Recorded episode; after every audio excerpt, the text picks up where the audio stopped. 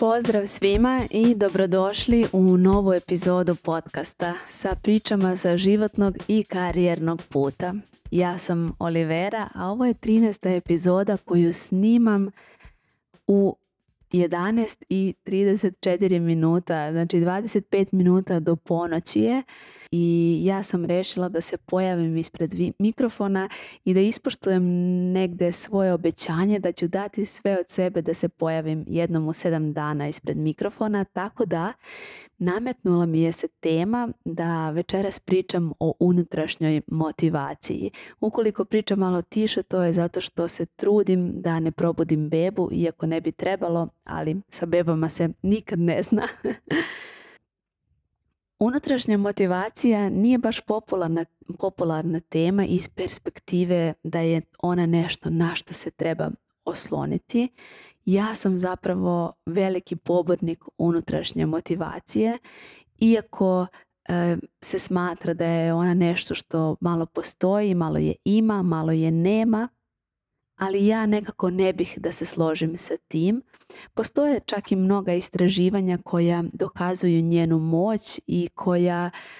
dotazit ću se kasnije toga e, koliko zapravo e, je ona povezana sa nekim našim suštinskim potrebama, ali za početak želim da kažem da ja lično mnogo verujem u tu našu tihu, a snažnu unutrašnju silu koja nas pokreće da ostvarimo naše ciljeve.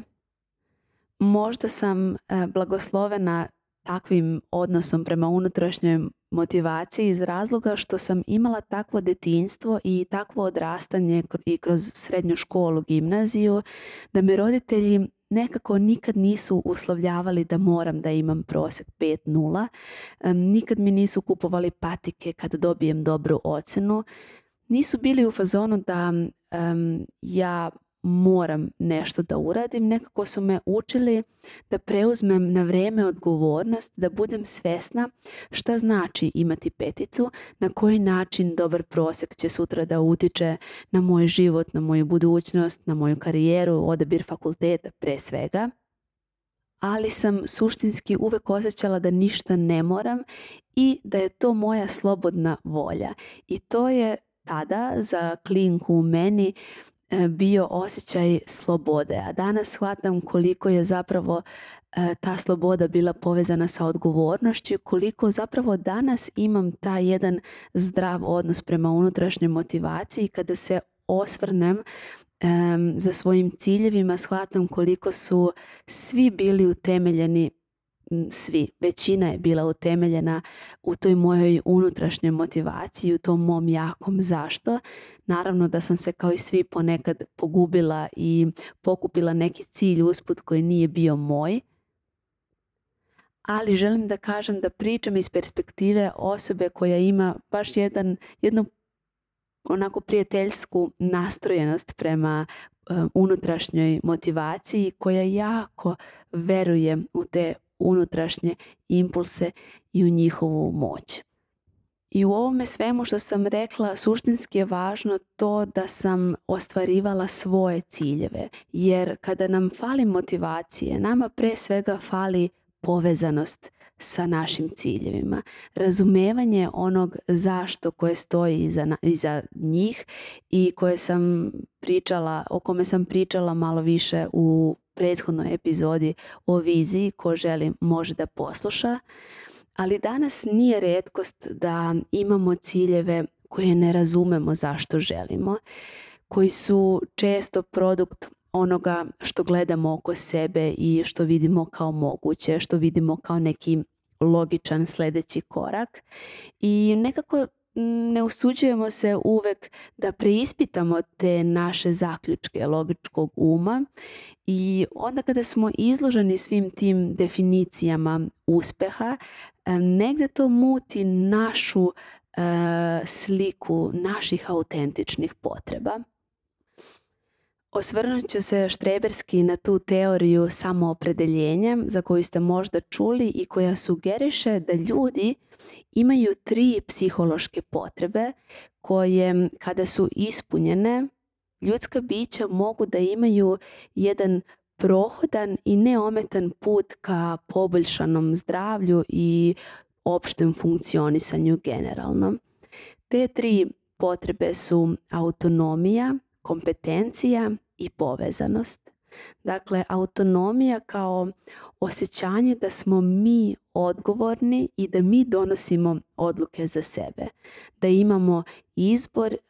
koje ciljeve postavljamo i zašto ih postavljamo. Kompetencija kao potreba da e, učimo različite veštine i da ovladavamo različitim zadacima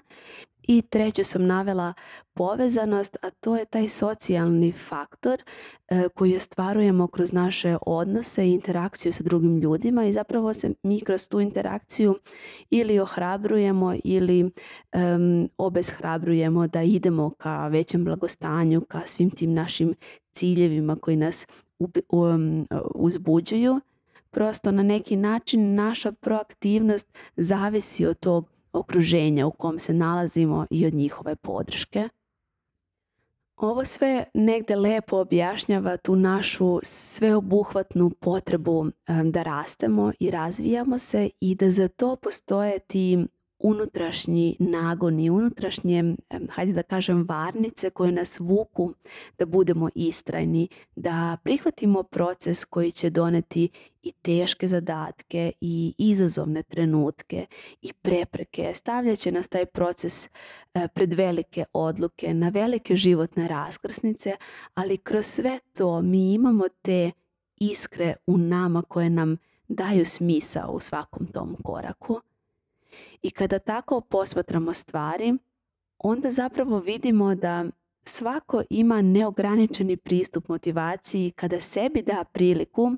da se oslanja pre svega na svoje snage, da koristi svoje talente, da primenjuje veštine koje ima, koje voli, jer kroz sve to zapravo mi jačamo tu unutrašnju motivaciju i ostajemo na tom našem putu ostvarenja ciljeva.